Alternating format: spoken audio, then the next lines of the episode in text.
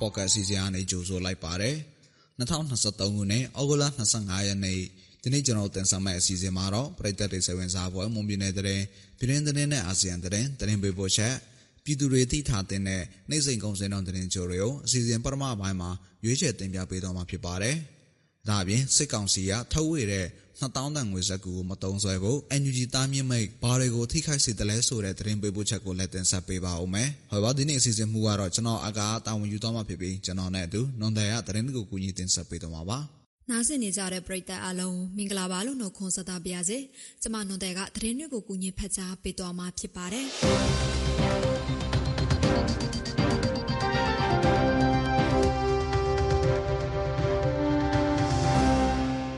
ဆုံးသတင်းတစ်ပုဒ်အနေနဲ့ရေးမြို့နယ်ရေးတံကျဲကားလမ်းမှာခရီးသည်တင်မှန်လုံရင်ကားတစ်စီးပြစ်ခတ်ခံရပြီးခရီးသည်2ဦးထိခိုက်ဒဏ်ရာရရှိခဲ့တယ်လို့ဒေတာခန်ရသိရပါဗျ။မနေ့မနေ့9နာရီခွဲအချိန်ခန့်ကရန်ကုန်ကနေဗိတ်ဘတ်ကိုထွက်ခွာလာတဲ့ရွှေပလဲတီခရီးသည်တင်မှန်လုံရင်တစ်စီးဟာရေးတံကျဲလမ်းပိုင်းလေမော်ချန်ကြီးရွာအနီးရောက်မှာလက်နက်ငယ်တွေနဲ့ပြစ်ခတ်ခံရတာပါ။ခရီးသည်33ဦးတင်ဆောင်လာတဲ့အဲ့ဒီမှန်လုံကပြစ်ခတ်ခံရတာကြောင့် ဦးတင်ထွေးနဲ့မဝါဝါဝင်းဆိုတဲ့ခရီးသည်နှစ်ဦးကားမှန်စားထိမှန်ပြီးတန်ရာရရှိခဲ့ပါတယ်။ တန်ရာရရှိခဲ့တဲ့ခရီးသည်နှစ်ဦးကိုရေးမြို့မှာစိတ်ထက်ပြီးတဲ့နောက်ဗိတ်မြို့ကိုဆက်လက်ထွက်ခွာခဲ့တယ်လို့လည်းသိရပါတယ်။ရေးတံချက်ကားလန်တလျှောက်မှာစစ်ကောင်စီရင်ပြစ်ခတ်ခံရတဲ့ဖြစ်စဉ်မကြာခဏဖြစ်ပွားနေတဲ့အပြင်အယတာကခီးတဲ့တင်ကားကုန်တင်ကားနဲ့ဆိုင်ကယ်ပြစ်ခတ်ခံရတဲ့ဖြစ်စဉ်တွေမကြာခဏဖြစ်ပွားလေရှိပါတယ်။ရေးတံချက်ကားလန်တလျှောက်ထိန်းချုပ်နိုင်ရေးအတွက်ပြည်သူ့ကာကွယ်ရေးတပ် BDF ပူးပေါင်းတပ်ဖွဲ့တို့ကကြိုးပမ်းလျက်ရှိပြီးလမ်းတလျှောက်စစ်ဆေးမှုတွေလည်းလှုပ်ဆောင်နေပါတယ်ခင်ဗျာ။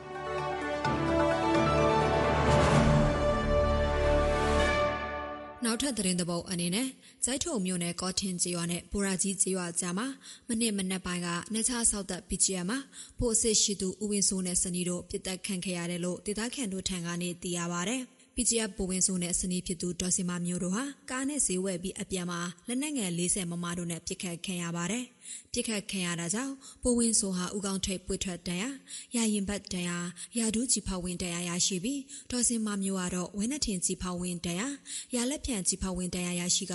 အခင်းဖြစ်ပွားရာနေရာမှာပဲတည်ဆုံခဲ့တယ်လို့သိရပါတယ်။ PGF ပိုစစ်ရှိသူနဲ့စီနီတို့စီးနင်းလာတဲ့ကားကိုပြည်သူ့ကာကွယ်ရေးတပ် PDF ပူပေါင်းတပ်ဖွဲ့တို့ကကောထင်ကျေးရွာနဲ့ပိုရာကြီးကျေးရွာကြားရှိတာပေါင်းတရာနာမှာစောက်ချိုပြီးပြစ်ခတ်ခံခဲ့ရတယ်လို့ဇိုက်ထိုဒေါ်လာရေးရာစု KRF ကထုတ်ပြန်ထားပါတယ်။ ပိုဝင်ဆိုဟာစစ်ကောင်စီတရင်ပေးလုပ်ပြီးပြည်သူကိုဖမ်းဆီးတာတပ်ဖြတ်တာတွေအပြင်လောင်ကစားဝိုင်းလုပ်တာကားမောင်ခိုလုပ်တာမြို့နယ်လေယာနဲ့ပေါင်းပြီးတောင်နုမြေတွေကိုတင်ဆဲတာချင်းချောက်ငွေညစ်တာလက်စီမီဖြတ်တောက်တာတွေလှုပ်ဆောင်နေပြီးနာမည်ဆိုးနဲ့ကြော်ကြားသူလို့လည်းစိုက်ထုတ်ဒေါ်လာရဲ့အင်အားစုကထုတ်ပြန်ချက်မှာဖော်ပြထားပါတယ်ရှင်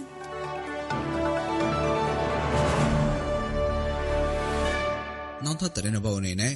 ထိုင်းမြန်မာနယ်စပ်တင်းနေနိုင်တိုင်း ကော့တောင်မြို့နယ်ကမလိဝွန်ရွာအနီးမှာမနေ့မနေ့ပိုင်းကစစ်ကောင်စီလက်အောက်ခံတပ်တွေနဲ့မြို့နယ်ပြည်သူ့ကာကွယ်ရေးတပ် PDF တွေကြားတိုက်ပွဲဖြစ်ပွားခဲ့တယ်လို့ကော့တောင်ဖကားဖတာဝန်ခံကပြောပါတယ်။အဲ့ဒီဒေသရွာတွေကိုစစ်ကြောင်းထိုးနေတဲ့စစ်ကောင်စီတပ်ကြောင်းနဲ့ PDF တွေကြားတိုက်ပွဲဖြစ်ခဲ့တာဖြစ်ပြီးစစ်ကောင်စီဘက်က9ယောက်တေဆုံးခဲ့တယ်လို့သူကပြောပါတယ်။စစ်ကောင်စီအင်အား30လောက်ပါတဲ့စစ်ကြောင်းဟာ မလီဝွန်ရွာချောင်းဝရွာတွေကိုဝင်ပြီးဖမ်းဆီးစစ်ဆေးနေတာကြောင့်ရွာသားတရာကျော်ထိုင်နိုင်ငံဘက်ကိုထွက်ပြေးတိမ်းရှောင်နေကြရတယ်လို့လည်းဒေသခံတွေကပြောပါတယ်။ ထွက်ပြေးလာတဲ့ဒုက္ခသည်တွေကိုထွက်ပြေးလာတဲ့ဒုက္ခသည်တွေကိုထိုင်းအာဏာပိုင်တွေကလက်ခံကူညီထားပေမဲ့အဲ့ဒီညနေပိုင်းမှာတော့စစ်ကောင်စီတပ်သားတွေမရှိတော့ဘူးဆိုပြီးရွာကိုပြန်ပို့ပေးခဲ့တယ်လို့လည်းဆိုပါတယ်မြန်မာနိုင်ငံမှာစစ်တပ်ကအာဏာသိမ်းပြီးတဲ့နောက်နေရစွန့်ခွာထွက်ပြေးရသူတစ်တရမ6တန်းကျော်အထိရှိလာနေပြီးအာဏာမသိမ်းခင်ကရှိနေတဲ့အရေးသွမ်းနဲ့ပေါင်းရင်နိုင်ငံတော်မှာနေရစွန့်ခွာသူရေတစ်တရမ6တန်းကျော်အထိရှိလာနေတယ်လို့လည်း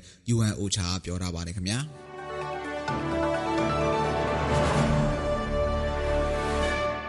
သတင်းသဘောအနေနဲ့စကိုင်းတိုင်းစာလင်းကြီးမြို့နယ်ကတရုတ်ကြီးနီစီမံကိန်းဝန်ပေါင်းကုမ္ပဏီမှာတက်ဆွဲထားတဲ့စစ်ကောင်စီတပ်မှတာဝန်ထမ်းပိုးလာတဲ့လူ14ဦးကိုဖမ်းမိထားတယ်လို့ဒေသအခြေစိုက်ပြည်သူ့ကာကွယ်ရေးတပ်တွေကသတင်းထုတ်ပြန်ထားပါတယ်။ ချချင်းတွင်းကလုံးရာဇာဂရီလာဒီဖန်ဖော့စ်ရဲ့အပြောအရဖန်စီရမီသူတွေဟာအေယာဝတီတိုင်းတာပေါင်းမြို့နယ်အနောက်တောင်တိုင်းစစ်ဌာနချုပ်တင်တန်းစဉ်ပြည်သူ့စစ်ပြူစောထီတွေဖြစ်တယ်လို့ဆိုပြီးသူတို့ကိုလမ်းပိုင်းတနေရာမှာဖန်စီရမိခဲ့တယ်လို့ပြောပါတယ်ဖန်စီရမိထားသူတွေကိုဥပဒေအကြောင်းအရလိုအပ်တယ်လို့ဆက်လက်အရေးယူဆောင်ရွက်နိုင်ဖို့မြို့နယ်ပါလာဖပြည်သူ့လုံခြုံရေးအဖွဲ့ကိုအနှံ့မဲ့လို့လည်းသိရပါတယ်ကာကွယ်ရေးတပ်တွေရဲ့ထုတ်ပြန်ချက်တဲ့ ဝန်ပေါင်ကုမ္ပဏီကစစ်ကောင်စီတပ်မအင်အားဖြည့်တင်ပို့အတွက်ပြည်သူ့စစ်အရက်ခေါ်ပြူစောထီတွေနဲ့စစ်တပ်သားသမီးတွေကိုလုံခြုံရေးအတွက်ခေါ်ယူတဲ့နံပေးတာနဲ့ကုမ္ပဏီလက်ပတ်နိုင်ရေးလှုပ်ဆောင်နေတာလို့ဖော်ပြထားပါတယ်လက်ရှိမှာတရုတ်ဂျင်းနီစီမံကိန်းဝန်ပေါင်ကုမ္ပဏီနဲ့ဒေသခံတို့အကြားပြည်သူ့ဘာမြေယာပေါ်ချန်စီယိုခတ်သိမ်းယူနေတဲ့အပေါ်နှစ်ဖက်တင်းမာမှုတွေရှိနေပါတယ်ရှင်။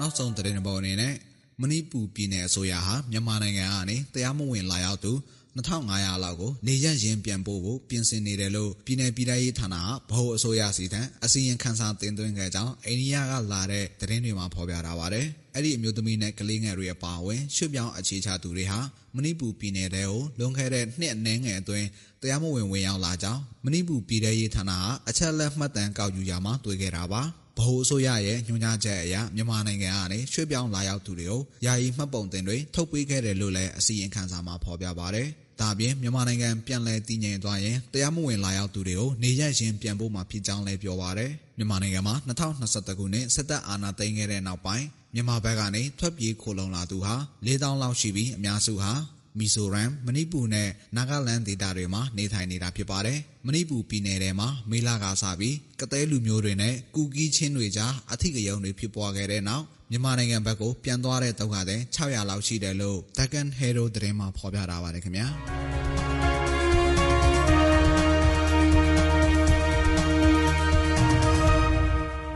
ဆလဘီပြည်သူတွေသိထားတဲ့နေ့စဉ်ကုန်စည်နှုန်းတရင်အချို့တွေကိုမော်လမြိုင်ကုန်စည်တိုင်းကအချက်လက်တွေကိုအခြေခံပြီးကျမနှွန်တဲ့ကတင်ဆက်ပေးပါဦးမယ်။ ထိုင်းမြန်မာငွေလဲနှုန်းကတော့ထိုင်းဘတ်103.66ဝယ်ဈေးရှိပြီးတော့ရောင်းဈေးက109.4နှစ်ရှိနေပါတယ်။ဒေါ်လာဈေးကတော့အမေရိကန်ဒေါ်လာကိုဝယ်ဈေးမြန်မာငွေ3900ကျပ်ရှိပြီးရောင်းဈေးကတော့3980ကျပ်ရှိနေပါတယ်။ ရွှေဈေးနှုန်းက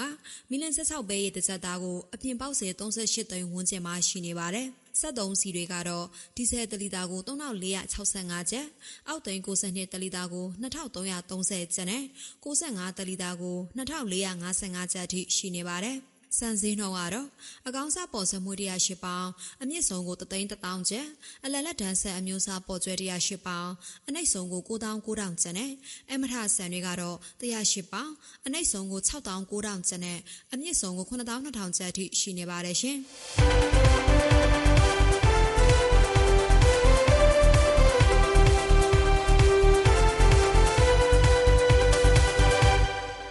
ခုတင်ဆက်ပေးသွားခဲ့တာကဩဂုတ်လ25ရက်နေ့မှာဖြစ်ပျက်ခဲ့တဲ့ပုံမြင်တဲ့တဲ့ပြည်တွင်းသတင်းနဲ့အာဆီယံသတင်းတွေအပြင်တနိဒာစီစဉ်ငွေစင်းနဲ့ကုန်စည်နှုန်းတွေကိုတင်ဆက်ပေးသွားခဲ့တာဖြစ်ပါတယ်။ဆက်လက်ပြီးတော့စစ်ကောင်စီကထုတ်ဝေတဲ့2000တန်ငွေစက်ကူကိုမတုံးဆွဲဖို့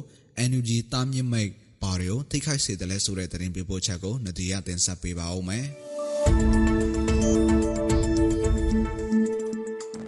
တောင်းတန်ငွေစကူကိုပုဂ္ဂလိကဘဏ်တွေနဲ့ငွေကြေးဝန်ဆောင်မှုလုပ်ငန်းတွေမှာ သုံးစွဲခြင်းမပြုလုပ်ဘူးအမျိုးသားညီညွတ်ရေးအစိုးရ UNG ကတာမြင့်မိတ်ထုတ်ပြန်ခဲ့တာကြောင့်ဘလို့အကျိုးဆက်တွေကိုထိခိုက်စေတယ်လဲဆိုတဲ့အပေါ်နိုင်ငံရေးသမားတွေနဲ့စီးပွားရေးသမားတွေအကြားတုံ့သက်ဆွေးနွေးလျက်ရှိနေပါတယ်။အဆိုပါထုတ်ပြန်ချက်ကြောင့်ပြည်သူလူထုအတွက်အကျက်တဲဖြစ်စေတယ်လို့ဗန်များအနေနဲ့လည်းမတုံ့ဆွဲလို့မရတဲ့အနေအထားဖြစ်နေတယ်လို့နိုင်ငံရေးသမားတို့ကပြောပါတယ်။ UNG အနေနဲ့တုံ့ဆွဲစီမပြုဖို့ထုတ်ပြန်ထားပေမဲ့ငွေကြေးလက်ပတ်မှုအရတုံ့ဆွဲရမှာဖြစ်တယ်လို့ စီးပွားရေးလစ်လာတုံးသက်သူဦးသက်စောကပြောပါတယ်။ရှင်းပြောရင်ကျွန်တော်တို့ကအာဏာရှိတဲ့လူနဲ့အာဏာမရှိတဲ့လူရဲ့စကားကိုခင်ဗျားဘယ်လိုယုံကြည်မလဲဆိုတော့ကျွန်တော်မေးပြရတယ်နံပါတ်1က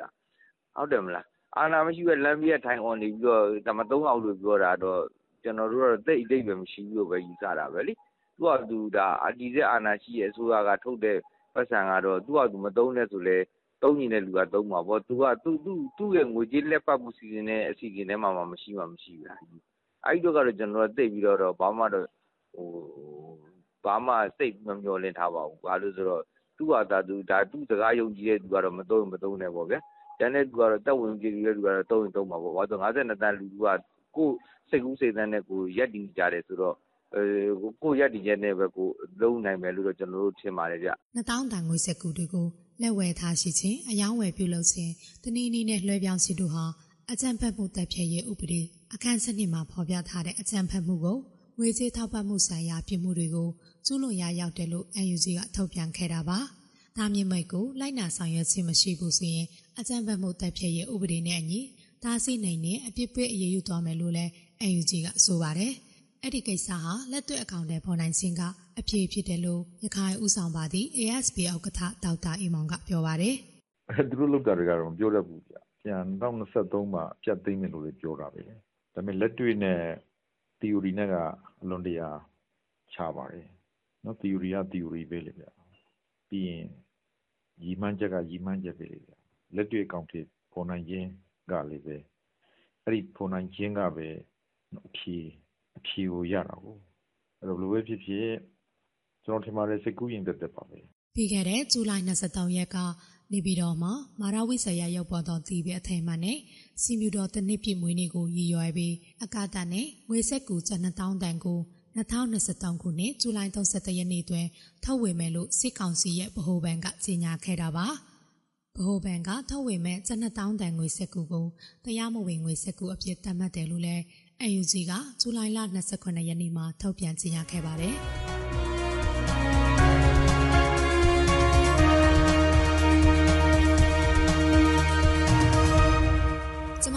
လန်းမြန်မာပေါ့ကတ်အစီအစဉ်ဒီမှာတင်ပြီးဆုံးပါပြီ။နားဆင်နေကြတဲ့ပရိသတ်အားလုံးကိုနောက်နေ့အစီအစဉ်တွေမှာဆက်လက်အားပေးကြပါအောင်လို့ဖိတ်ခေါ်ရင်းအစီအစဉ်ကိုဒီမှာပဲအဆုံးသတ်ပါရစေ။အားလုံးကိုကျေးဇူးတင်ပါတယ်ရှင်။